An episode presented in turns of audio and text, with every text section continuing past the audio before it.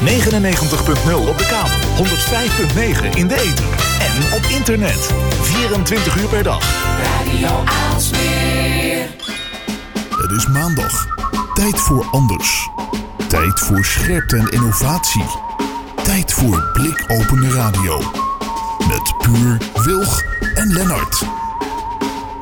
Ja, het is maandag, het is eh, 17 juni 2019. Dit is Blikopener Radio, aflevering 25 alweer. Een feestje. We hebben een feestje. Nou, Oh, sowieso een feestje in de studio. Want we hebben deze zomerse maandag weer, eh, nou, zoals jullie gewend zijn, een hele volle uitzending. Eh, straks als eerste de gast in de studio is eh, Christian Baptist. Hij is eh, gaming expert en hij ontwerpt spellen, al dan niet mobiel, en helpt bedrijven om hun spellen succesvol te maken. Ook onderzoekt hij hoe je games kunt inzetten om positief gedrag bij kinderen te bevorderen. Nou, dat vinden we heel mooi, dus daar willen we alles over weten. Ja, ik eh, kan niet wachten. Ik ben blij dat je hier eh, zit, Christian. We hebben ook eh, columnist Sanne Roemen. En eh, die laat ons ook vanavond weer door haar filters kijken. En natuurlijk hebben we ook weer eh, de Week van Wilg. En daarin kijkt Wilg, Wilg ja, wat jou afgelopen week is opgevallen. Mooi? Dit is eh Blikopener Radio, speciaal voor jou. Ja. Nou, zoals gezegd, de eerste gast zit in de studio. Christian Baptist, goedenavond. Goedenavond. Leuk te Welkom. zijn. Ja, nou ja, Wilg was ook al eh, aan het kwispelen van enthousiasme. Ehm, en Annemarie heeft altijd de standaard eerste vraag. Ja, ehm wat zit je haar goed? Nee, nee, nee. dat is geen vraag. Ja, ja, dat is geen vraag. Ehm, ja, waarom doe je wat je doet? En wat doe je en waarom doe je het? Poef, dat zijn een heleboel eerste vragen. Nou ja, eigenlijk was de Eh, eerste hetzelfde als de derde. Begin gewoon met de eerste. Ja, wat doe precies. Nou ja, Ja, ja. ik denk niet dat er echt een, eh, een plan achter zat. Ik denk dat het eh, eh, gaandeweg zo gekomen is. Dus ehm, ik, eh, het enige, misschien de enige rode lijn die erin te vinden is, is dat ik heel graag spelletjes speel.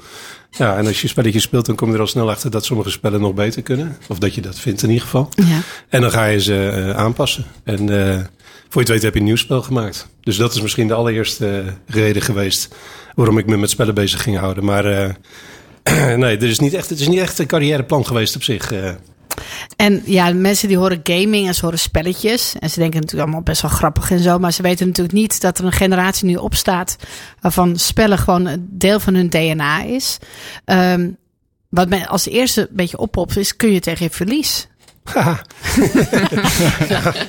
nou, daar wordt heel slim mee omgegaan tegenwoordig in de gaming-industrie. eh, met niet tegen je verlies kunnen. Maar eh, eh, ja, ik kan heel goed tegen mijn verlies. Ja, Vindt de rest dat ook? Ik denk het wel. Ja, ik denk dat. Ik denk dat dat beaamd zal worden. Ja.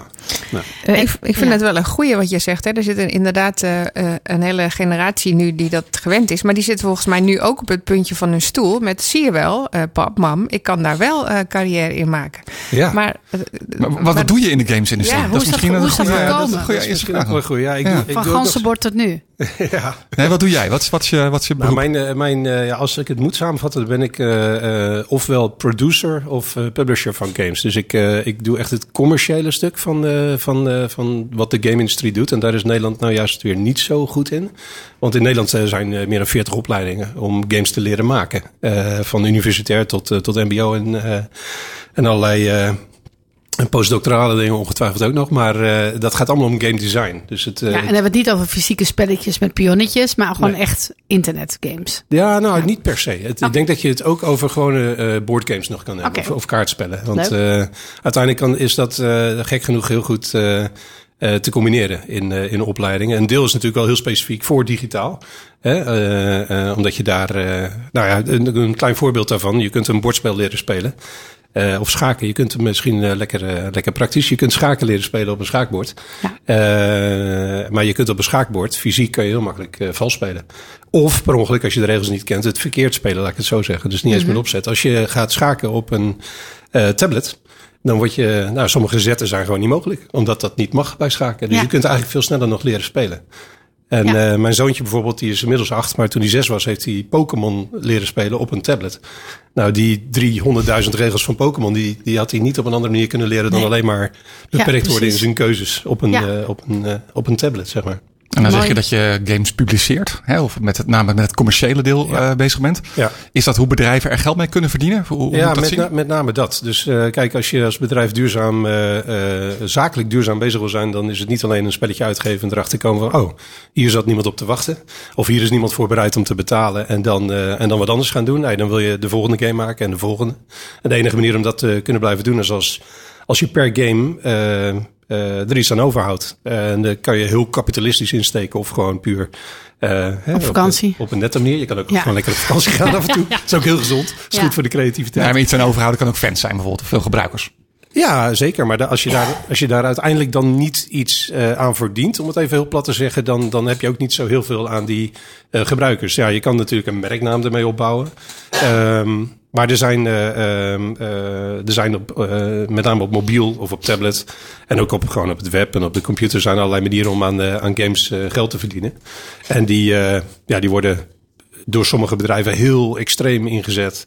Dan gaat het alleen maar om geld verdienen. Er Ja. zitten investeerders achter en noem maar op. En, en er zijn bedrijven die daar ehm, eh, veel voorzichtiger mee omgaan. En er zijn eh, heel veel bedrijven die eh, eh, geen flauw benul hebben van hoe ze geld moeten verdienen met games. En daar komt mijn werk een beetje eh, om de hoek kijken. Dat ik ze help om, eh, om in te zien dat Ik dat... snap het. Ja. Ja. En je bent dus een freelance eh, consultant op dat vlak. ja, exact. Ja. En, zijn dat dan bedrijven die voor het eerst eh, in aanraking komen met het maken van spellen? Ik, ik, neem zo aan dat als je nou een spellenstudio bent, dat je dan ongeveer wel- weet eh, hoe dat werkt. Ja, ja, nee, want het verandert ook continu. Dus er zijn allerlei trends eh, op manier van, van manieren van betalen voor, voor spellen, maar ook advertentie, advertenties kijken, videootjes, noem maar op. Ehm, technologie verandert continu, dus er moet geleerd blijven worden. Maar het zijn niet alleen maar eh, beginnende bedrijfjes. Nou, in Nederland heb ik een paar eh, eh, nou, klanten of bedrijven waar ik mee samenwerk die wat meer beginnend zijn. Ehm, maar ik werk ook onder andere voor, voor Glue Mobile in Amerika, wat al heel succesvol is met een aantal games. Ehm, en wat beursgenoteerd is en wat nog steeds wil leren over hoe je dat dan in Europa het beste kan aanpakken. Dus het is heel divers. En, en als ik kijk naar de, de kleine Christian ooit. eh, wat was het eerste spelletje online waarmee jij in aanraking kwam? Het eerste spelletje online, dat zal zijn geweest. Ik denk iets uit de De Sims-categorie. Sims. Ja, echt online spellen. Dan heb je nog niet eens zo. Ja, ik bedoel, daarvoor waren er nog de computerspellen zonder internet. Ja, Maar nee, Asteroids en zo. ja, Atari. Sims. Ja, en ook al de serie van. ehm eh, hoe heet die nou? Ja, de World of Warcraft, eh, de, de eerste delen daarvan. Ja. Daarna ben ik dat een beetje kwijtgeraakt, want er ging veel te veel tijd in zitten. Ja, maar, eh, maar die eerste delen waren nog prima behapbaar. En eh, Space Quest en eh, Police Quest, dat soort titels. Het zal heel veel mensen helemaal niks zeggen. Ja, ik, vind het, ik wil nu ook weten welke niet on, welk sowieso het eerste computerspel dat waar je Je eerste computer. verslaafd, ja, of je eerste computer. Nog verder terug. Hoe oud ben je? Het eerste, ik ben 47. Oh, dat is een makkelijke Ja, vraag. ja, hè? ja, ja. Nee, maar eh, eh, nee, die, ehm, eh, het eerste spel waar ik echt verslaafd aan ben geweest was, eh, volgens mij heette dat Olympic Games. En dat was echt op. eh, die was fantastisch. ja, precies. Ik kan met- het- met het de liedje kan ik zelfs inderdaad. nog. Ja, ja, ik- je Met, met kunstschaatsen. ja, ja, en inderdaad een soort van, eh van eh tennis-ellebogen. van Ja, die het, was eh, fantastisch. Ja, ja, nou daar was ik helemaal... Maar dat was eh, op de Atari dan. eh. Nou, bij mij was het zelfs nog op de Commodore Ja, 64. ja, ja, ja, ja, precies. ja. Ja, Ja, ja. dan moest je ook, eh, kon je heen en terug schaatsen, Ja. heen en weer. Het was echt zo plat. Ja, het was super plat, maar Ja, het was zo verslavend. Ja, het was wel En daar heb je natuurlijk ook wel een puntje wat, eh, wat om de hoek komt kijken bij games. Waar heel veel mensen eh, meteen... ja, of het nou ouders ja. zijn of, eh, of mensen uit de politiek... eh, die meteen zoiets hebben van... Oh, maar het is zo verslavend. Ja, En, krant eh, lezen is ook verslavend. Ja, ja ook een leuke hobby. eh, Ja. Ga je naar terug. Dus- Maar heeft dat, heeft dat gamen, eh, hè, dus die spelletjes waar je vroeger dan verslaafd was, heeft dat invloed gehad op wat je uiteindelijk bent gaan doen qua studie of qua nou, ik heb eerste banen? Nee, qua studie niet, want ik heb International Business School eh, gestudeerd in Groningen. Dus dat is veel eh, breder. Dat is een soort van eh, commerciële economie. Dus Ja. daar kan je een beetje middenmanagement in, dat idee. Dat doe ik nog steeds wel, want eh, ja, het zijn wel zaken. En wat, je had, wat had je bedacht? Wat wilde je worden? ik wat was wil, ook wat wilde ik worden? Ik wilde, in eerste instantie wilde ik de ICT in. En nog zonder daar een beroep aan te koppelen, maar Ja. meer eh, gewoon hardcore programmeren. Ja, Maar Dat, omdat, ben ik, dat ben ik helemaal niet uiteindelijk. Dus ja, omdat Nee. in die tijd dat jij afstudeerde waarschijnlijk ook internet heel erg aan het opkomen was. ja, ik, eh, toen raar een beetje, dat, hè? Internet nee, dat is. ik- was, ja. Ja, ik woonde in Canada toen ik voor het eerst eh, e-mail gebruikte. Toen zat ik inderdaad nog op school. Als een soort van uitwisselingsprogramma zat ik eh, eh, te e-mailen met thuis. En dat was inderdaad eh, heel erg early days. Ook heel Ja. traag. En toen vonden we het al lang fantastisch. Dus niemand Ja. klaagde over de traagheid. Als je Nee. met je ouders voor niks kan kletsen. Ja. eh, hè, intercontinentaal, continentaal, dan is dat al lang mooi. Maar dat, eh, ja, dat waren echt... Dat was echt early days. Ja, maar het is zo moeilijk uit te leggen aan een nieuwe generatie. Weet je, als je het eenmaal hebt, Ja. dan vind je het allemaal heel normaal. Ja. Hè, dan kun je wel uitleggen dat je een hele avond over een YouTube op, opladen van een filmpje. Maar ja, weet je, nu vind je het allemaal maar normaal dat het zo super snel gaat. Ja. En jij, jij zag toen, hè, je deed international business. Je had een hele andere kant op kunnen gaan. Maar je zag al dat die computerwereld, die, die, die gamewereld misschien, dat het groot werd. Want het werd toen niet echt serieus genomen. Nee, nee, absoluut niet. En soms, eh, nu af en toe vraag ik me ook nog steeds af waar eh, sommige mensen eh, onder welke steen ze zitten. Want het is inmiddels eh, ja. Ja. groter dan de muziekindustrie, Zeker. groter dan de filmindustrie. Ja, Eh, dus het is, eh, ja, je kunt het maar beter serieus nemen. Maar ehm, eh, Maar omdat het jonkies zijn. Dan, Ja. ja. weet je, als het grote mannen zijn met bierbuiken, dan neem je het veel eerder serieus. ja, klopt. Nu zijn het gewoon, gewoon ja, Nou, dat, die zijn er dus ook, jongen denk ik.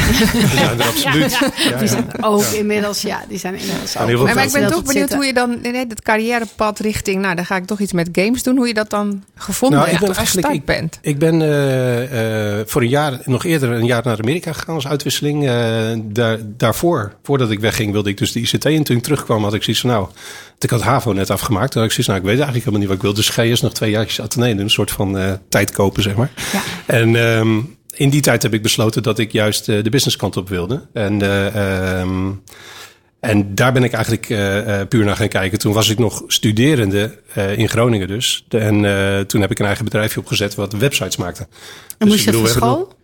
Sorry? Moest je dat van school doen of Nee, deed nee, je het nee. uit jezelf? Nee, dat was meer dat ik eh, al een soort van klaar was met het curriculum en, eh, en nog wat tijd over had. En dit is gewoon heel erg leuk om te doen. Een goede vriend van mij kwam terug uit Australië en die had zoiets van, wauw, kun jij websites maken? Daar is een enorme behoefte aan. Dus Ja. dat gaan we samen doen. Dus die, eh, die, eh, dat hebben we vier jaar gedaan. En maar toen waren er inmiddels duizend, letterlijk duizend bedrijfjes die websites maakten. En toen hadden we zoiets van, nou, dit is misschien niet helemaal de toekomst voor ons. We Nee. wilden niet, niet meer personeel. Dat was niet het antwoord voor ons. Dus toen eh, ben ik in loondienst gegaan bij de Telegraaf Tijdschriftengroep. En daar ben ik eigenlijk, om een verhaal wat korter te maken en misschien ook interessanter, eh, ben ik daar aangelopen tegen, tegen Habbo Hotel. Ja, Wel eens van gehoord? ja, tuurlijk. Ja, nou, Hallo, dat- ik ben ouder dan jij bent. Maar toch. Nou, ik heb dat. ik Nou, ben voor dus- degenen die het niet kennen, Ja, wat is ja. Hotel? voor degenen die het niet kennen, ehm, dat is een, eh, een virtuele wereld. Ja. Toen dat nog een ding was. Eh, een virtuele wereld voor, eh, voor, voor kinderen. Het was eigenlijk voor tieners gebouwd in Nederland. eh, ik heb het naar Nederland gehaald. En eh, dat, dat is eigenlijk mijn stapje geweest de game-industrie in. En dat was, eh, in Nederland werd het al heel snel wat jonger. Van Maar leg het nog even uit wat Habbo Hotel is. Wat er nou, je was, het was een soort van eh, digitale Playmobil. Dus je maakte je eigen poppetje. Eh, het zag er ook redelijk Playmobil-achtig uit in het begin. Hele dikke pixels. eh, hele, hele, hele grove eh, stijl van, van, van figuurtjes. Maar ehm, je kon ze zelf aankleden. En je kon een kamertje in, het, in het hotel betrekken of meerdere. En dat kon je ook weer helemaal aankleden. En da- daar gingen de kinderen helemaal op los. Dus die maakten allemaal thema's. Die bouwden alles na. Die bouwden de complete Efteling na. Tof. En eh, die, eh, die speelden alles wat ze in het echte leven ook speelden. En het soort werd- Minecraft. ja, het is Ik ben een beetje aan het denken. Ja, voordat Minecraft überhaupt bestond, was Ja. dat een soort. eh, ja, hoewel je van Minecraft ook alweer kan zeggen dat het een soort van digitale Lego is. Of een combinatie misschien van die twee. Ja. Ehm, maar Maar dan, inderdaad. maar dan met soapachtige trekjes. Want er gebeuren ook heel veel dingen Ja, in het- in hotel. Ja. Daarom. Nou, we hadden eh, op hoogtijdagen hadden wij een miljoen spelers in Nederland alleen. Ja. Van de ongeveer 1,7 miljoen eh, kinderen in die leeftijd. Dus we hadden een gigantisch bereik. Ja. En dus ook een verantwoordelijkheid. En ik was eh, destijds ook wel eens op de radio, kan ik je vertellen. Maar dat was een iets andere setting. Ja, verantwoordelijkheid. Ja, Ja, mocht ik, mocht mooi dat je het woord uit. verantwoordelijkheid ook noemt. Want dat Maar is ik- natuurlijk wel zo. Ja, want ik kan me, maar je zegt naar Nederland halen. Eh, betekent dat er in Nederland een soort vestiging begonnen werd vanuit Ja, dat bedrijf? En dat er eh, destijds- supportmensen zaten? En dat er, Ja, ja, we hebben een heel team eh, destijds opgezet. Dus ik heb, Ja. eerst, eh, ik heb er ongeveer tien maanden over gedaan om mijn baas te overtuigen dat dit een goed plan was. Dus het klinkt nu heel makkelijk, maar het heeft best Was wel het wat... dus van de Telegraaf? Het, het is een joint venture geweest met de Telegraaf. Het is een Fins, eh, Fins bedrijf. eh, van origine, Sulake. En dat, eh, dat werkte samen met de Telegraaf. En de Telegraaf stond erop om daar eh, eigenaar van te zijn, van, van dat project. Eh, of mede-eigenaar. Dus dat werd een, eh, een mooie eh, 50-50 eh, eh, joint venture. Dus gezamenlijk, eh, een opera voor gezamenlijke operatie, zeg maar. We hebben een team aangetrokken van Nederlanders wat, eh, wat dat eh, beheerde. Wat de operatie, eh, operations deed. En er zat op een gegeven moment inderdaad drie man eh, fulltime customer service Ja. bij. En, eh, Ja, ja, lachen. Wat, eh, wat, wat, wat, wat heb je ervan geleerd van die tijd? Eh, van die tijd, eh, nou met name dat die spelers dus met je spel aan de haal gaan. Want Habbo was niet meer dan een soort van lege huls. Je kon daar, en zo vertelden we het ook altijd, eh, je kon daar doen wat je wilde. Ja. Ehm, waar ook dus weer dat scherpe randje aan zit. Maar je kon daar alles in naspelen wat je maar wilde. Je kon niet winnen. En je kon niemand verslaan. Ehm, en daardoor is het in, in Azië ook eigenlijk redelijk gefaald. Hetzelfde concept. Want daar wil men, ja, daar moet competitie zijn in het Precies, je moet Wat beter worden dan de rest. Ja, ja, wie, Ja. Moet ik, eh, wie, wie, wie moet ik verslaan is eigenlijk het verhaal. Hoe kom ik eh, op de eerste plek? En dit was eigenlijk, eh, je poppetje kon rondlopen. Ja. En als je iets zei, Je dan kwam er letterlijk, letterlijk een, een tekstbolkje boven je hoofd. Ja, Dat andere mensen Ja. konden zien. Dat was de manier om te chatten. Ja, En zo navigeerde je eigenlijk door al die kamers heen. Correct. Toch? Ja. Was het kan niet zo dat herinneren. Armin van Buren daar ooit een co- concert heeft Ja, gehouden? ja zo? absoluut. Ja. Zeker, ja. precies. Ja, en dat was nog, eh, nou, ik weet niet precies of die toen al helemaal door was Ja, gebroken, dat- maar ja. dat was een van de allereerste eh, jaren dat hij eh, dat hij groot was in ieder geval. Ja, die stond letterlijk bij ons op kantoor. Moet je je voorstellen, Amstelveen. hè? Ja. Ja. In, eh, nee, in, In de Sloterdijk. P60 in Amstelveen hadden we het gedaan. Nee, Sloterdijk ook nog een keer. Ja. Echt op kantoor dat hij eh, met, eh, met radio en eh, eh, eh, verslaggeving van Habbootjes. We hadden ook een eigen radiostation van Habbo. Dat waren gewoon vrijwilligers. Meen je niet. Ja, en, en dan om het verhaaltje helemaal rond te maken, Ja. een van die jongens werkt nou bij mij. Die is nou 28. Die was toen 15. Oh, wat schattig. wat schattig. Maar ja, dan, eh, in die tijd had je ook niet Second Love, maar Second Life of zo ja, heet correct. weer. Ja, precies dezelfde periode is dat geweest. Ja. Wat was het verschil tussen die twee werelden? Nou ja, dus zijn de grote verschillen. Eén is de doelgroep. Eh, Second Life was veel meer volwassen. Oké. Daar, ehm, eh, ja, daar, Ja, daar eh, wilden de banken en zo ook allemaal op. op ja, op maar die wilden er bij ons ook op. Wij hebben Ja. echt, eh, we hebben dus ook allemaal ongeveer verwelkomd. Dus de ING, de ING voorop. Ehm, en de Fortis hebben we gehad. En de ja. Rabobank en noem maar op. Ja, die, ehm, die wilden echt een presence hebben. Nou, de ING heeft op een gegeven moment, toen zij de postbank hadden overgenomen, of toen dat gefuseerd was, toen za- waren zij als de dood dat de, de habbo's, zeg maar, of de kinderen in Nederland, de oranje pinautomaten niet serieus zouden nemen. Want die waren natuurlijk blauw van de postbank. En die Ja. mensen zouden van dag één naar, naar de volgende dag zouden ze in één keer moeten pinnen bij een oranje automaat. En ze waren als de dood dat, eh, dat, die, dat die kinderen zouden denken, dat is niet mijn bank. Ik loop nog even door op zoek naar een blauwe pinautomaat. Ehm, dus die hebben heel veel eh, geld gestoken om, de, om ervoor te zorgen zeg maar, dat, eh, dat die kinderen allemaal op de hoogte waren. Dus we hebben in twee weken tijd hebben we alle pinautomaten in het hotel. Die hebben we eerst maar geplaatst. Want hadden we, die hadden we Virtueel, niet. Die hebben, we, ja, die hebben we virtueel En overgeschilderd. ze namen dat ook totaal serieus, die grote Absoluut, mannen met, met gewoon- stropdassen. Ja, ja, Ja, die, het is- die namen het ook serieus. Ja, het is toch fantastisch eigenlijk? maar de Habbo's ook, die stonden gewoon te pinnen in, eh, in het hotel. En dat waren gewoon alleen maar cosmetische eh, dingetjes die we, in, eh, die we in hadden gebracht in het spel. Maar ze stonden gewoon, eh, een soort roleplay, eh, ze stonden gewoon te pinnen. En ze hadden niet genoeg saldo. En al dat soort verhaaltjes. eh, Ja, maar, maar, maar vaak zeggen ze van als, als dan de, de commerciële mensen komen, dan is het eigenlijk niet meer leuk. Waar- waarom bestaat Habbo nu niet meer? Wat is er gebeurd? Eh, er, is een, er is iets gebeurd. Ik wil het eigenlijk. Het zijn twee dingen gebeurd. Eén is eh, dat, eh, dat er iets ontstond dat heet eh, eh, iOS of de iPhone. Ja, dat heeft, zeg maar, de boel, dat heeft flink roet in het eten gegooid, want daar is te laat op, eh, op ingeschakeld. Uiteindelijk is eh Habbo volgens mij in 2013. En de, en de iPhone kwam in 2007, voor de mensen die dat Ja. eh, zijn vergeten. Ja. Ja. Eh, 2013 zijn we, is, is Habbo, ik wil bijna zeggen we, zijn, is Habbo Ja. pas beschikbaar geworden op eh, de tablet. En eh, dus er is gewoon ze- zeven jaar, bijna zeven jaar niks mee gebeurd. En, ehm, en dat is ja, killing, want eh, de, de doelgroep die gaat gewoon verder. En die gaat dan eh desnoods een iets minder product gebruiken op een cool device, wat ze altijd bij zich hebben. Eh, dus dat is ermee gebeurd. En daarnaast kwamen ze in wat zwaar weer qua pers. Want er waren wat, eh wat radioshows, met name in de UK, die, eh, die een heel negatief verhaal hebben verspreid over Habbo. Waarvan, eh, nou ja, ik weet niet of het waar of dat het niet waar is. ja Als- allerlei seksfeesten en zo. Precies, toch? ja, ja, exact. En eh, Ja. een geval van pedofilie eh, zouden zijn. eh, zouden. Hebben we het nog steeds over virtuele poppetjes? Ja, absoluut. Ja, ja. ja, ja. Maar om maar aan te geven hoe mensen met je spel aan de haal kunnen Ja, gaan. hè, waar je een beetje mee begonnen Ja, absoluut. Ja. En of het, nou, of het nou kinderen zijn geweest die dat soort teksten hebben verspreid, of dat het inderdaad volwassenen zijn geweest, dat Ja, heb ik geen idee. Opgezet spel. Maar de, de schade was al berokkend. De investeerders hebben zich letterlijk teruggetrokken. Op dat dat zoiets lief, sociaal, hè, de Efteling wordt nagebouwd. Dat het Ja. dan gelijk weer zo'n zo, zo, schaduw krijgt. Vind ik zo stom. Ja. Ja. Uh, Maar ik zat ook te denken, want ik zie ook niet echt equivalenten die zijn opgestaan. Hè? Misschien is de wereld intussen ook wel opgeschoven. Want eh, Absoluut, ja. ik ik, denk ook qua gaming. Want er zijn niet nu nieuwe habbo's ontstaan die Nou, er anders zijn- in, die periode zijn er heel veel dingen ontstaan. Het is niet zo makkelijk om na te bouwen. Dat is één ding. Want het is een heel groot log eh, ding. Het is ook niet zo makkelijk om, ehm, eh, of heel complex moet ik zeggen. Log valt wel mee, maar het is ook niet zo heel makkelijk om een doelgroep even over te nemen. Want iedereen heeft daar zijn vriendjes. Hè? Net zoals dat Hives, eh, wat echt niet het allerbeste product ooit Ook is. Telegraaf. Ook Telegraaf uiteindelijk, maar toen was het al over zijn, eh, over zijn ja, piek. ja. Maar dat eh, was absoluut niet het beste product wat er was. Maar al je vrienden zaten erop, dus En dat je maakt bleef het ook goed. maar- Ja. dat maakt het gezellig. Het is net als een plaatselijk café, wat misschien net vieze biertjes heeft. Maar ja, je vrienden zitten er wel. Zit wel om de hoek. En dat is- ja, precies, ja. ja. En zo- je gaf net al even aan van hè, zo'n zo'n ehm, bank die dan zo'n spel inzet ehm, hè, om kinderen nou ja, Ja. te educeren eigenlijk, hè, of iets te leren. Ja, In dit geval, ja, die, die pinautomaat krijgt een andere kleur, hè, wat heel, eigenlijk een commerciële boodschap is. ja. Maar zo kun je spellen, hè, en dat is weer een beetje naar het begin van eh, de, de inleiding terug, kun je spellen natuurlijk ook inzetten om kinderen eh, positief gedrag aan te leren of om hè, zoiets positiefs mee te brengen over de wereld. Ja, ja. Ehm, wat, wat ben je na Habbo gaan doen? Of hoe ben je Ja, uiteindelijk... dat is eigenlijk precies de reden waarom ik ook bij Habbo ben, eh, ben gestopt. Het was niet per se een negatieve ervaring, maar ik had wel zoiets van je kunt veel meer met die betrokkenheid van die kinderen bij zo'n spel. En als je ze zo'n playground geeft. ehm, en je ziet hoe creatief ze ermee eh, aan de haal gaan, dan kun je daar inderdaad een bank in inzetten. Of een, een, eh, een, een sneakermerk.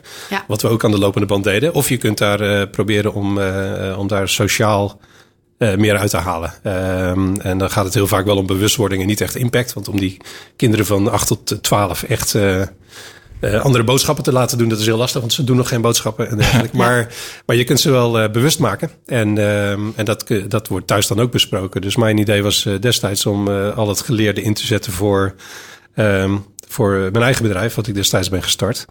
En wat eh, tot voor kort echt een, eh, nou, een hobby wil ik het niet noemen. Ik heb het altijd wel heel serieus genomen, maar het kreeg maar weinig tijd omdat ik eh, zoveel voor klanten ook nog bezig was. Hè, de, de open haard moet ook branden, zeg maar. Klanten toch? Ja. Ja, toch die klanten weer. Rokende schoorstenen. Roken de schoorstenen enzovoort. Niet zo duurzaam. Maar nee, ik ben uiteindelijk een, een gamebedrijf begonnen wat mo- mobile games maakt. Maar ook bordspellen. Ehm, Gaaf. voor ja, voor de natuur- en klimaat eh, educatie. eh, richting kinderen ook weer. Dus diezelfde doelgroep. En wanneer kreeg je dat idee? Want eh, ik vind het heel fascinerend. Hè? Je had in de websitewereld kunnen blijven steken. Hè? Lekker makkelijk. Ja. Ik kan me nog herinneren dat mijn man op een gegeven moment een of andere training had. En daarnaast waren ze in een, in een zaaltje allemaal websites aan het bouwen. En al die snelle jongens hè, waar hij was, hè, daar zaten allemaal die, die nerds uit te lachen. Nou, uiteindelijk lachen de nerds nu hun uit. Hè? Want eh, zij zijn gewoon uh, is ja, een nieuwe Ja, precies. Hè, dus je had daar kunnen blijven plakken. Bij Thomas had je hè, klanten had je nu ook bij kunnen blijven plakken. Waarom, waarom moet jij van jezelf dan weer toch weer iets anders doen? En, en ook nog de wereld beter maken. Nou, het is, bij klanten ben je niet heel lang eh, betrokken. Eh, je bent op projectbasis betrokken en je hebt niet heel veel als, eh, als adviseur. Dat wordt adviseurs ook heel vaak verweten. Heb je niet heel veel verantwoording af te leggen. Je schrijft je rapport en dat volgt meestal binnen dagen een factuur op. Ja. En dan leer je niet eens eigenlijk wat er met, met je advies wordt gedaan. En dat is makkelijk misschien, maar dat is niet heel erg eh, lonend uiteindelijk. Satisfying Dus ook. Niet satisfying, zeker niet. Dus, eh, maar ik ben continu heen en weer gegaan hoor, want ik ben nog steeds ook wel langer betrokken bij bepaalde bedrijven. Ehm, juist om er ook zelf eh, dingen uit te kunnen leren. Maar ik, eh, nee, ik had. De echte verandering kwam in 2010 toen ik leerde dat ik papa zou worden. Dat is heel simpel. dacht ik al. Mooi is dat. Mooi. Ja, dus dat, eh, toen had ik zoiets van ja, als ik straks moet gaan uitleggen, en dat duurt nog wel eventjes. eh, wat, ik, eh, wat papa eigenlijk allemaal doet. Is het dan dat ik probeer zoveel mogelijk credits te verkopen in een virtuele wereld? Of is dat dat ik, Ja, dat ik wel die verantwoordelijkheid pak, zeg maar? mooi. En inmiddels is die acht, dus ik moet wel een beetje opschieten. Ja, en je moet het vaak meenemen naar je werk natuurlijk. Want Ja, anders weet je er ook nog niks Maar van. dat is niet zo moeilijk, Ja. want dat zit bij ons gewoon beneden in de... Oh, goed zo. Ja, ja. Goed, goed zo. Maar vertel, wat, wat, wat is het? Wat doe je? Nou eh, ja, Perfect Earth is het, eh, is het bedrijf. En, de, alle producten die eronder vallen, die, eh, die, die hebben dat ook in hun naam. Want ik probeer echt een portfolio te maken van, van apps en games die allemaal één dingetje, of één dingetje, nou ja, één, onderwerpje belichten. En dat kan zijn de, de ontbossing van een regenwoud. Dat kan zijn eh, plastic soep. Ehm, in de verschillende oceanen. Dat kan zijn bijensterfte. Maar we proberen dat iedere keer op een manier te brengen die niet zo, zo eh, ja, zo'n doemscenario is, hè, of eh, belerend is, of wat dan ook. Het moet leuk zijn. En je moet er iets eh, in ontdekken. Leren vind ik zelfs een te negatieve term. Je moet eigenlijk ontdekken hoe iets werkt. En dan kun je mensen bereiken. En als het leuk is, dan leer je het makkelijkst. Dus ik heb ook zoiets ik wil niet in het, in het hoekje met de met de applied games, zoals dat zo mooi heet. En waar al die, die, al die, eh, eh, die opleidingen in Nederland ook uh, les in geven. Of de serious games, die hoek wil ik juist niet in.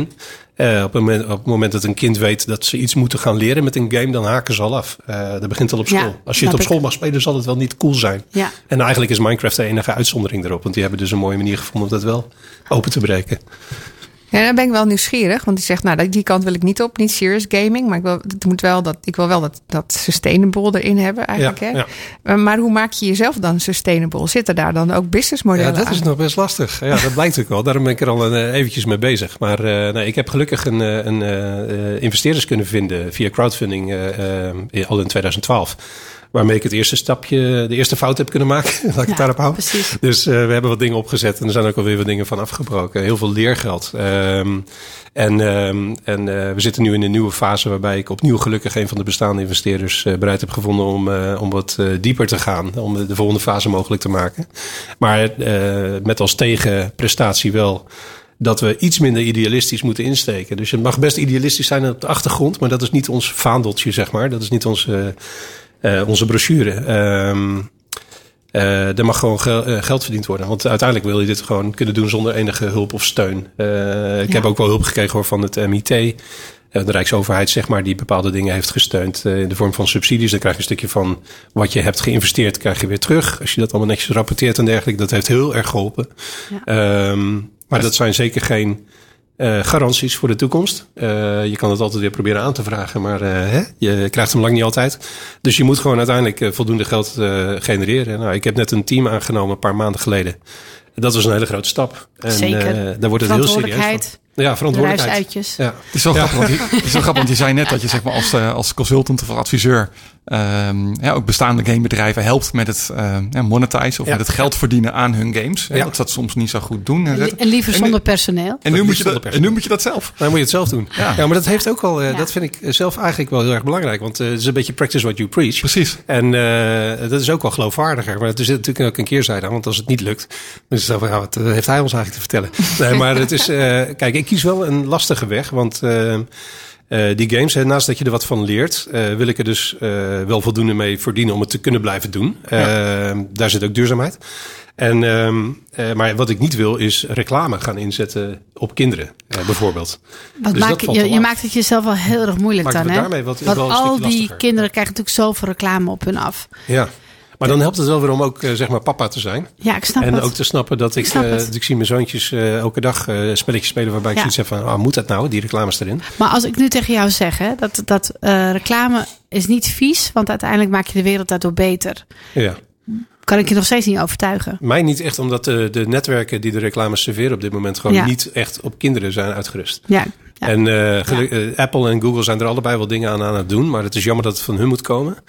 Wat zo lekker zou zijn, is dat er gewoon echt een partij zou opstaan die zou zeggen: Nou, we gaan het gewoon op een goede manier doen. En we gaan alle, alle publishers of alle uitgevers die kinderen eh, bedienen, Ja, of die precies. kinderen bereiken, die gaan wij bedienen met een mooie oplossing daarvoor. En dat is er nog steeds niet. En daar klaagde ik in 2007 ook al over op het web. Ja. Maar ehm, het is blijkbaar nog niet zo makkelijk om dat Ja, uit te voeren. de wereld is greedy. Ja, want, het- want eigenlijk- zeg je nou, ik ben nu gewoon een soort productiestudio geworden. Want ik, Ja. net als met startups kan ik me zo voorstellen dat eh, ik vergelijk altijd dingen met mijn eigen wereld. eh, sorry Ja, jongens. graag. Kan ik me zo voorstellen Terecht, dat ja. niet elke game het haalt. Hè? Nee, Wij zeggen altijd meerderheid 1 niet. op de zoveel, eh, eh, één op de 10 haalt het wel bij onze startups. Is, dat, is, daar, is, dat, is dat ook zo in die gamingwereld? Ik, dat dat, nog... eh, ik heb de exacte sta- statistieken ervoor heb ik niet. Maar ik kan me heel goed voorstellen dat het ongeveer hetzelfde is. En eh, dat heeft er ook mee te maken dat er in, niet alleen in Nederland, maar in Nederland zeker ook eh, te laat pas wordt gekeken naar het verdienmodel. Dus iemand is eh, bezig om zijn game te maken. In het ergste geval is dat de game die hij vroeger altijd had willen spelen. Maar niemand heeft hem nog gemaakt, dus dan ga ik die maar maken. En mijn vraag is dan altijd, zijn er nog andere mensen zoals jij die dat ook gaan spelen? Ja. Maar dat is nog maar spelen. Dan is het nog van, zijn ze bereid om ervoor te betalen? En dat is vaak waar ik word gevraagd om mee te gaan helpen, is... Ja. Het spel is eigenlijk bijna af. En we gaan over een maand naar de App Store. En, maar hoe gaan we nou geld verdienen? Ja. En, een beetje gechargeerd. Maar, ehm, en er zijn maar weinig bedrijven die zoiets hebben van... nou, we moeten het nog gaan ontwerpen. Kun je ons Ja. helpen in die fase? Maar dan gaat het dus wel vaak om, om lokken en verleiden van, van, van, van, van kinderen. En, Ja. en, en hebberig laten maken naar meer. Ehm, in hoezeer hebben jouw kinderen jou geholpen bij het eh, beter worden in wat je doet. Want hè, je had bij in de Habbo-wereld had je al die Habbo-mensen. Ja. Maar nu Ja. ben je eigenlijk met je kinderen meegegroeid. Hè? Jij was zelfs dat jongetje wat vroeger ook heel leuk vond om Olymp- Olympische Spelen te doen op de computer Ja, en te winnen. Ehm biathlon en zo. ja precies. Weet ik. Ja. En ehm, ja, in, hoezeer ben je met ze meegegroeid? Kon je nu beter door hun ogen kijken naar dat spel? Eh, ja, nou het meest helpt het om te kijken hoe ze een game eh, aansturen. Dus ik zie ook al hoe ze omgaan. Ze vinden die video's helemaal niet erg. Ze kijken gewoon ook de andere kant op. Weet je, ze zijn gewoon andere dingen aan het doen. Zij zegt, ik heb zo al mijn best erop Ja. gedaan. Ze hebben van papa al geleerd dat als je twee devices tegelijk inzet, dan kan je op die ene spelen en die andere. Ja, ja, draait een videootje, dan ga je daar weer verder en zo. Maar ehm, eh, nee, dus ik kijk continu mee, met name hoe ze, hoe ze spellen bedienen. En lezen ze wel bijvoorbeeld? En zijn de instructies te lang? Nee, het antwoord is inderdaad nee. Te weinig. Maar eh, ze lezen wel, maar boeken. Ze lezen niet op zo'n schermpje. Oh, heerlijk Dus, eh, nee, maar eh, ehm, dus je leert continu van ze. Lijkt me echt heel leuk. Ja. Maar je Nee, moet het dus heel veel kinderen blijven maken om nog steeds die... die, die Zou je nou maken of vermaken? Ik hoor Vermaken, niet is dat? zo goed. Maken. maken. Het was niet eens een je moet, je moet blijven, ja, blijven natuurlijk in touch met, met, met, met uiteindelijk met wie je te maken hebt. Waarom geen games voor, voor volwassenen? Nou, ik ben, eh, daar ben ik wel bij betrokken eh, vanuit mijn eh, consultancy. Daar was het in eerste instantie ook heel veel eh, eh, bedrijven die zich op kinderen richten. Maar eh, eh, eh, de belangrijkste klanten die ik nu heb, die richten zich op eh, met name vrouwen. Eh, wat al meer dan de helft van de, eh, hè, als je het eh, wereldwijd bekijkt, meer dan de dat helft zo? van de spelers zijn. Ja, ja. ja. Oh, En, en die hebben andere games nodig dan, eh, dan mannen? Of, eh, Ehm, heel even heel nieuwsgierig. ja. ik denk wel. het korte antwoord is ja, zeker weten. Kleuriger, Ja, ja. kleuriger. Nou, ik denk niet. Minder het- pief, paf, poef. Het zit hem ook heel veel in subtiliteit eh, wat dat betreft en hoe je ze aanspreekt en dergelijke. Maar het zijn ook totaal andere. eh, soms zijn het, het zijn een beetje crossovers tussen eh, games en, ehm, en tools bijna. Oh, of of, eh, eh, ja, als je kijkt naar bijvoorbeeld een Design Home. Ik weet niet of je dat toevallig kennen. Dat is een app voor interior design. Oké. En dat, eh, dat kun je spelen als een spelletje, maar je kunt het ook heel serieus nemen en er echt van leren welke stijlen je met elkaar kan combineren. Het moet nuttig zijn. Je bent je tijd aan het besteden en dat moet nuttig zijn. Ja, of het mag een compleet eh, escape zijn. Dus eh, dat is ook heel veel waard. Iets met uh, boeketreeksboekje. Oh, en, wat, wat ik heel oh, graag wil ja. weten nog, hè, voor luisteraars ook die het niet kennen. ehm, kun je een paar voorbeelden geven van, van eh, de spellen die jullie maken? Hoe, hoe werkt het? Wat is het? Wat, wat? Van, eh, specifiek van Perfect Earth. Van Perfect? Earth, Ja, ja. Nou, we hebben, we hebben één app die is in Nederland al te downloaden. Dat is eh, Perfect Earth Animals. En dat is eigenlijk, Pokémon Go zal mensen wel wat zeggen. Dat is een spelletje dat een beetje werkt als Pokémon Go. Kleine, eh, of wel belangrijk om daarbij te vermelden, is dat wij er eerder waren dan Pokémon Go. Want dan denkt iedereen van wauw. Eh, waren het maar drie weken.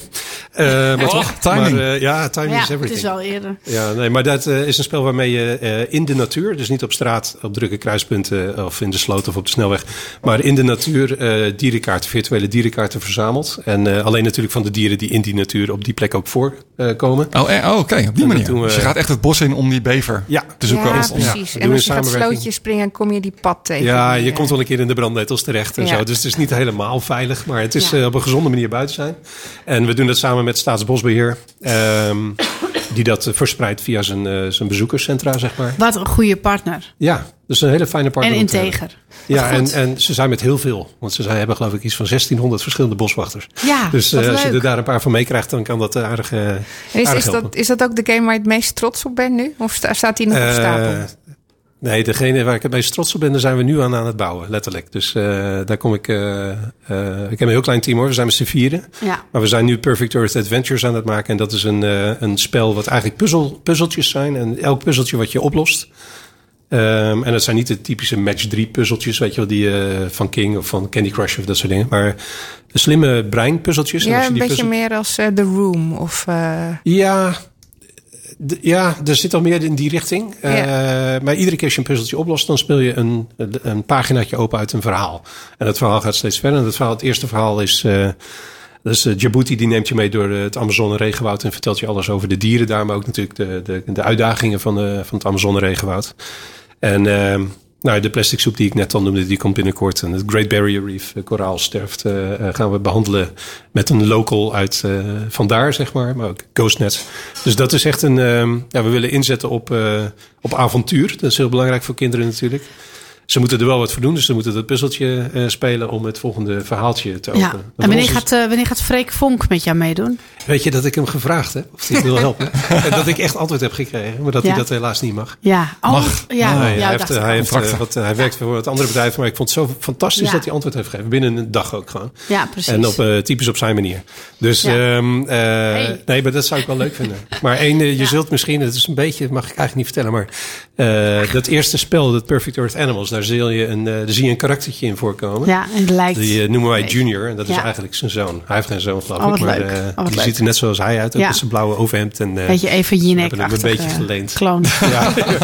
Wat goed, wat, goed, mooi. wat goed. En eh, ja, wat, wat ik me dan afvraag. ehm, ja, eh, Waar kunnen mensen meer informatie vinden? ja, precies. Ja, we hebben een, een, een hele mooie website. Het is wel even lastig om te onthouden misschien. Maar eh, als je www.perfect.earth, om het makkelijk te houden, intikt... dan kom je eigenlijk bij het overzicht van onze spellen.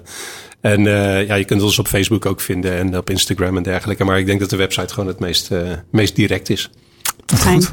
Volgens mij kunnen we nog uren doorpraten. Eh, maar we hebben ook nog andere gasten in de uitzending. Mag ik dus, nog één laatste vraag laatste stellen? vraag nog. Eh, welke spelletjes heb jij nu op je iPhone of op je gewone telefoon? Eh, dat is een combinatie van... Nou, wat ik, wat ik nu veel speel is Klondike.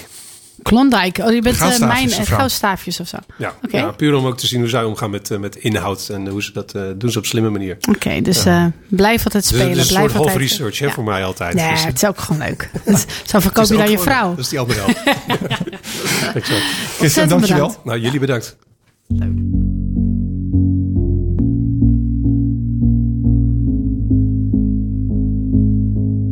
I try to go out, but I don't feel like talking. I stay in the back of the bar in the dark, saying without you here, might as well be an empty room. And the DJ from hell's got all our favorite songs playing. And I can't put my phone down,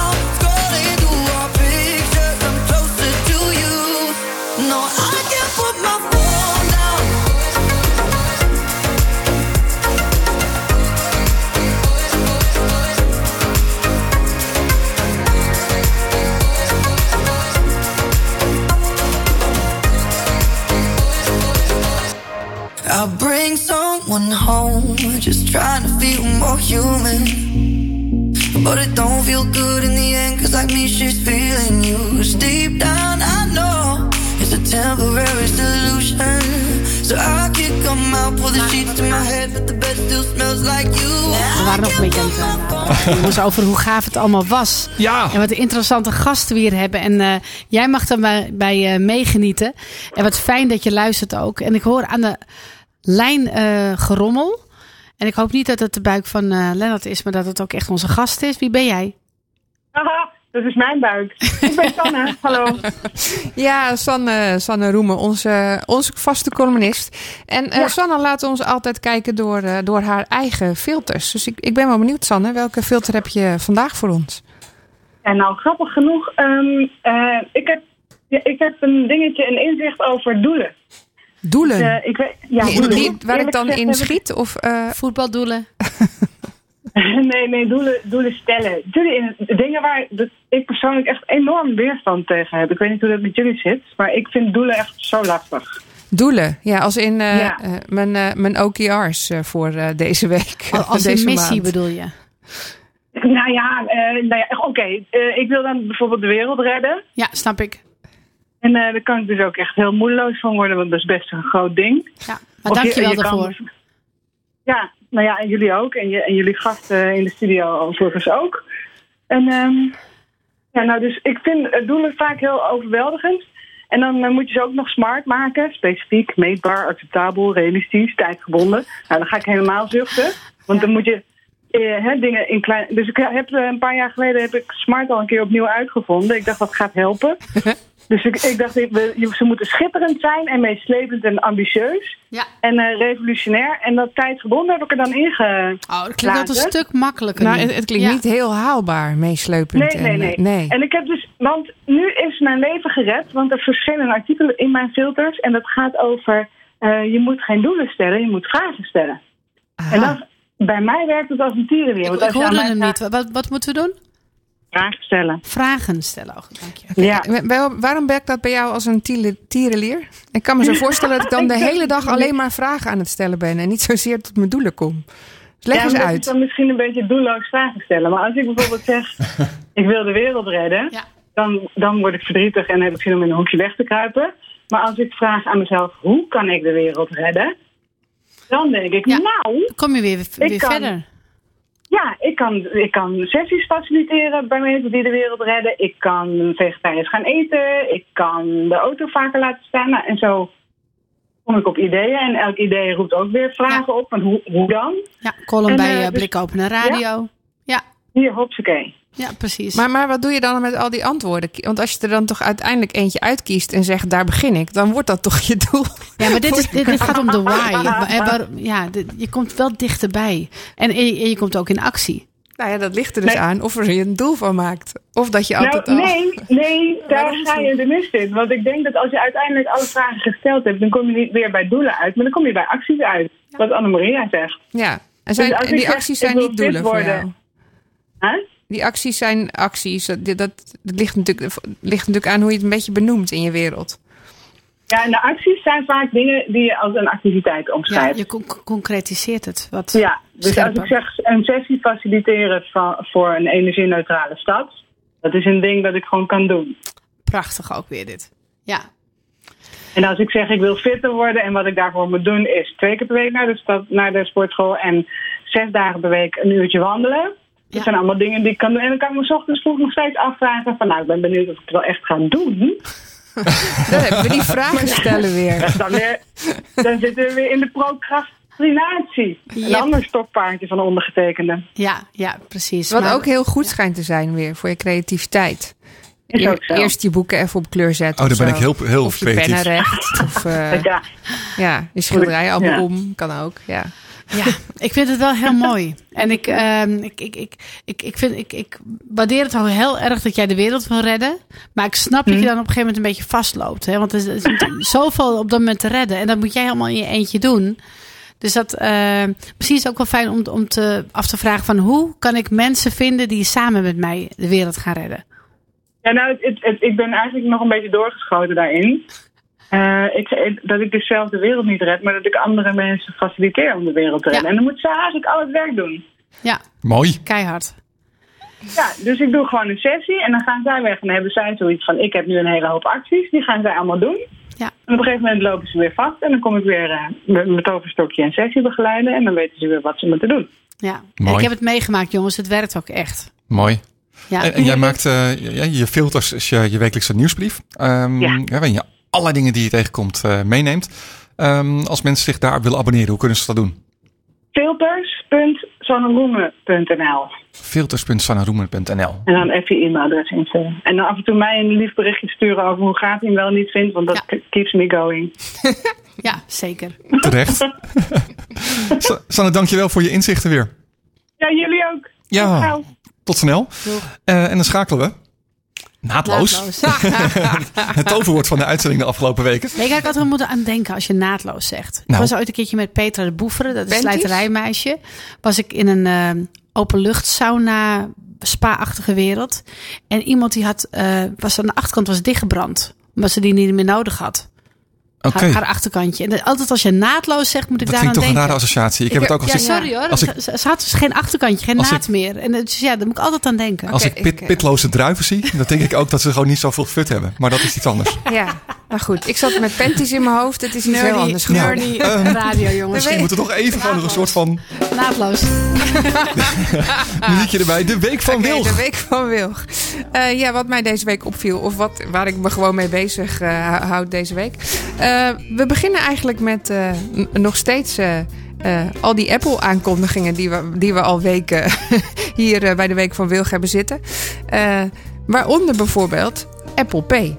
Ja, en even gewoon als eh, disclaimer. Uh, we hebben natuurlijk ook uh, Dim, onze columnist van androidworld.nl. Dus we besteden ook ruim aandacht aan, aan, aan. de andere ecosystemen. voordat we dat uh, achter ons krijgen. Probleem. Maar dit was even een leuke.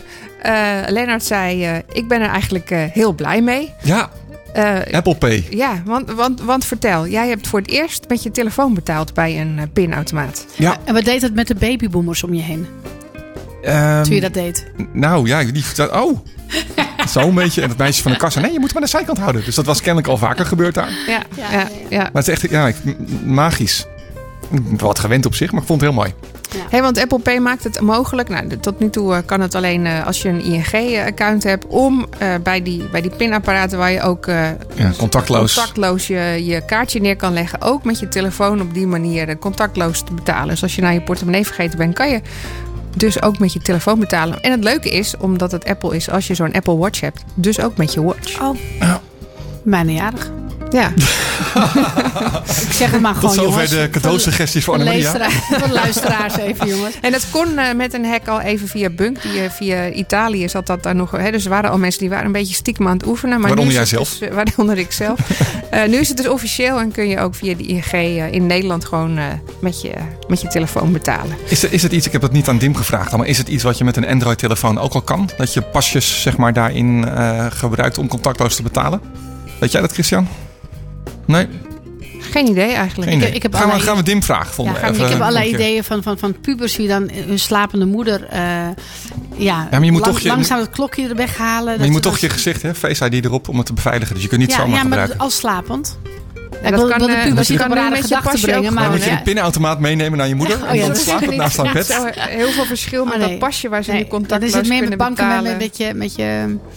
Met je uh, ja, met, met, met, je duim of zo, je duimafdruk. Ja, dat, dat kan wel slapend. Ja, maar dan kun je beter een bankpasje lenen. Ja, dat is, heel, dat is veel verstandiger. Dat is ook gewoon tot 25 euro geen pincode. En dat deden ze al, dus ja, daar hoef je dan niet druk om te maken. Waar zij dat?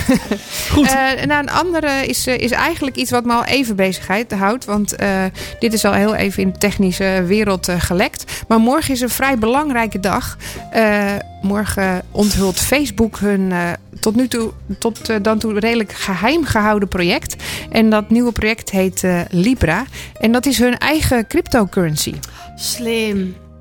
Ja. Slim dit, jongens. En uh, wat, ze dus, wat ze dus willen is uh, hun eigen cryptocurrency... die is binnen het ecosysteem van Facebook. Dus WhatsApp, Instagram, Messenger... Nou, en, en alle Instagram, waar je dus ook gewoon kan winkelen binnenkort.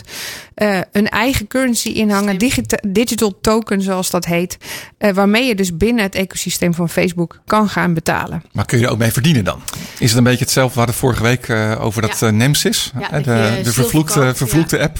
waar we uiteindelijk over hadden natuurlijk ook nog. Nou, het ehm, is niet, hè, dat Nemesis is veel meer een, een, een, een social gaming mechanism. Hè, dus hoe kan je dan daarmee verdienen en weggeven? Dat is, geen, dat is niet daadwerkelijk iets wat je kan uh, verzilveren. Ja. Uh, cryptocurrencies zijn natuurlijk wel bedoeld om te kunnen verzilveren in de echte wereld. En zo wil Facebook ook daadwerkelijk een echte currency neerzetten uh, binnen het ecosysteem. Hè. Dus dan zeg je van nou, wat, hoe werkt dat dan, zo'n token? Is dat dan hetzelfde als Bitcoin?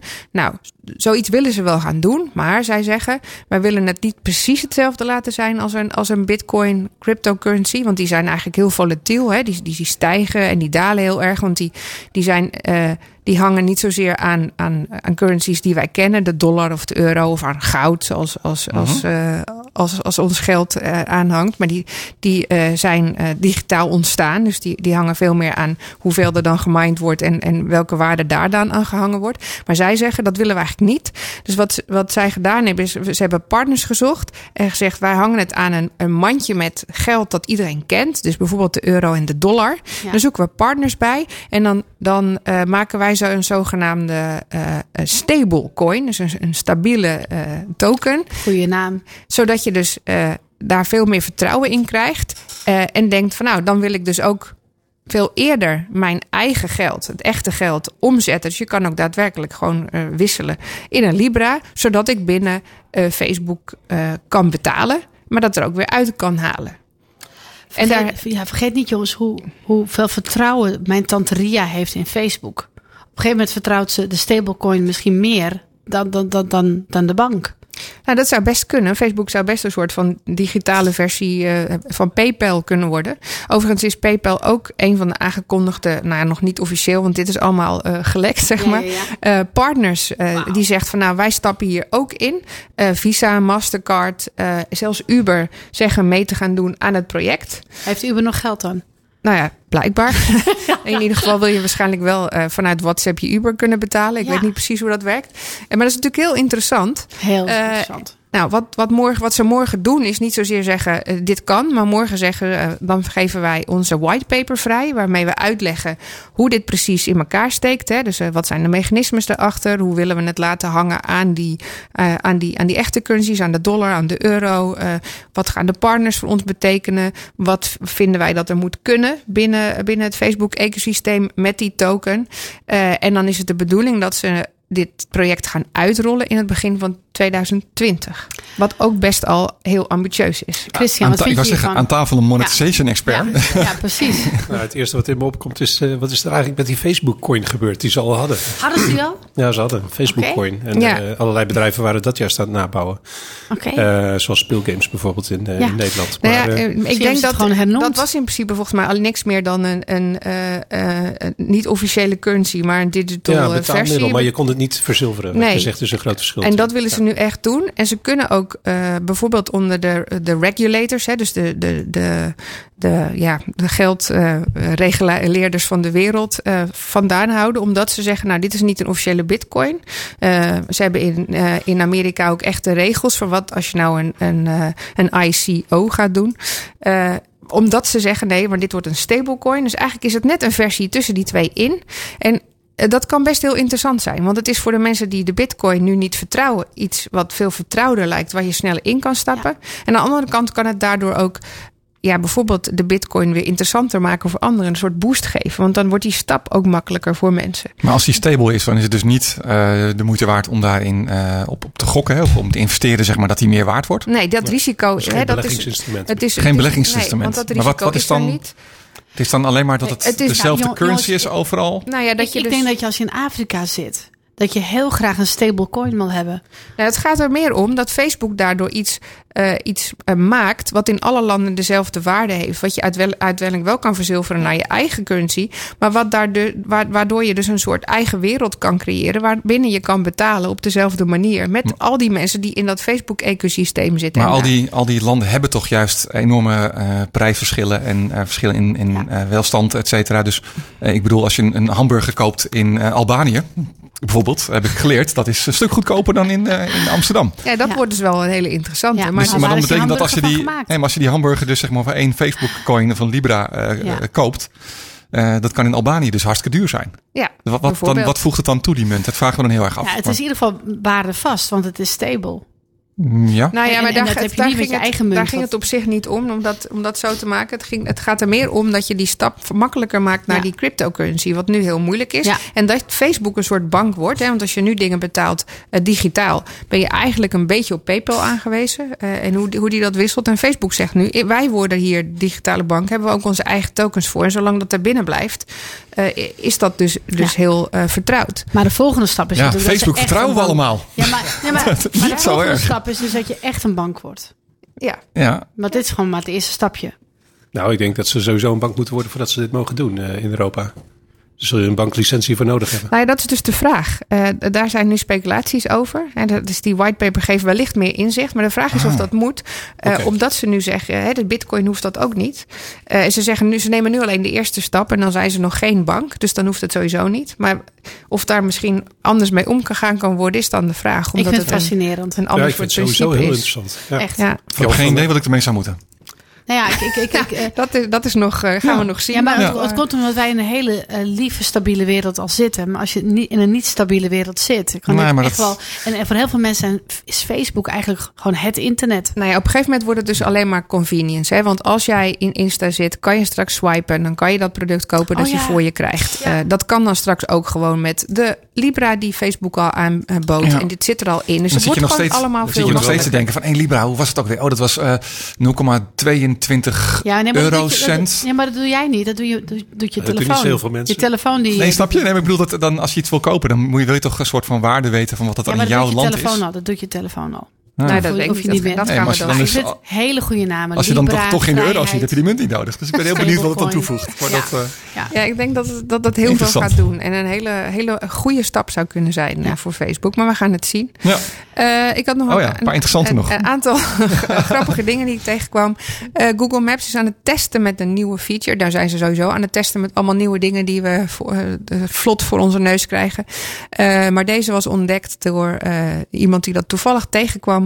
Eh, is nog niet echt uitgerold. Het is een, eh, een eh, feature die heet Stay Safer.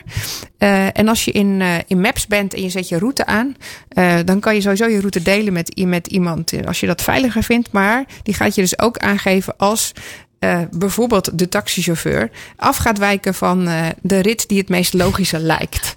Dus eh, een beetje zoals Uber dat, dat nu doet, zodat je je toch veiliger voelt. En die Uber neemt omdat je denkt, nou, ik word anders hartstikke afgezet. En gaan ze eerst een rondje ring voordat ze mij in het centrum afzetten. Ja. Nou, dat kan dan straks ook in Facebook, in Google, Google in Maps, Google Maps. Eh, of je dan die taxichauffeur daar ook op durft aan te spreken, is dan natuurlijk weer een tweede. Eh, maar het is bedoeld, bedoeld, bedoeld om je veiliger te houden. Ja. Dus eh, ik vind het wel een interessante. ja. Eh, en eh, vervolgens kwam ik nog een hele interessante tegen. Eh, dat was een site en die site die heet do not draw a penis.com. Ja, logisch, logisch. Ja, Nou, eh, vertel. nou, ik, wa- ik was even van slag. Eh, het is eh, een site waar je à la Doodles eigenlijk zoveel mogelijk kan tekenen. Maar je, je moet vooral oefenen in, in een- penis, zeg maar. Dat herkent hij dan ook in, uit de AI. En dan gumt hij hem weg. En dan zegt hij, je mag helemaal geen, geen piemel tekenen. Nou, ik dacht, wat is dit? Het is eigenlijk een soort protest. Het is een protest tegen de, de, de preutse big tech... die eh, met AI eigenlijk onze wereld een beetje gaat bepalen.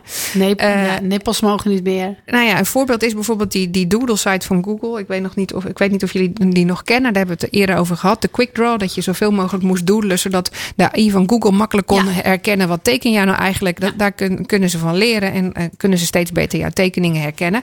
Het, eh, daar herken, die herkent van alles. Ik heb vanmiddag ook even geoefend. Eh, varkentjes, eh, eh, pizza en al heel snel... Piemels herkent hij niet, dat klopt. Ik heb er heel veel getekend. Je bent helemaal er even inmiddels. Ja, en eh, Mozilla, eh, die van eh, Firefox, vroeg zich af: eh, jongens, zou dat dan expres zijn en waarom mogen we dan geen piemels tekenen? Eh, want in heel veel landen is die piemel toch eigenlijk een soort van grappige uiting. Mensen tekenen dat als grapje, als, als protest. Vruchtbaarheidssymbool. In Bhutan inderdaad tekenen ze hem heel groot op muren, want daar is het een heel belangrijk symbool in de wereld. Waarom zouden we geen piemels mogen tekenen? En is dat dan net als al die tepels die nu uit Facebook gefilterd worden, eh, niet iets wat we juist niet eruit willen fil- filteren? Power en, to the en penis. die hebben de, aan een Nederlands eh, designbureau gevraagd. eh, daar willen we iets mee. We willen een soort eh, vrolijk protest hebben. En daar is de draw, do not draw a penis.com uitgekomen. Nou, ik vind het een eh, mooi einde van deze aflevering Blik Open Radio. Ook leuk voor je zoon. Ja, ik hoop dat hij luistert. Oké. Nou, was weer een eh, bomvolle uitzending. ja, en Eh, educatief. ook nog. Dank aan onze gast Christian Matist. Heel graag gedaan. Natuurlijk ook aan Sanne Roemer, onze columnist voor vandaag. De column van eh, Rick Steggeda, die hou je te goed. Hè, De opleidende luisteraar die heeft gemerkt dat Rick er vanavond niet was. Maar die is er een volgende keer weer. Volgende week hebben we een herhaling van de aflevering eh, eh, over het boek Super Social met uh, Elia Do. Ehm, dat kun je volgende week beluisteren. En de week daarna zijn we weer terug met eh, een speciale live gast in de studio. Ja, Blijf geheime gast. luisteren. Geheime gast, dan klinkt het sowieso al goed. Ja. Tot, Tot volgende keer. volgende week.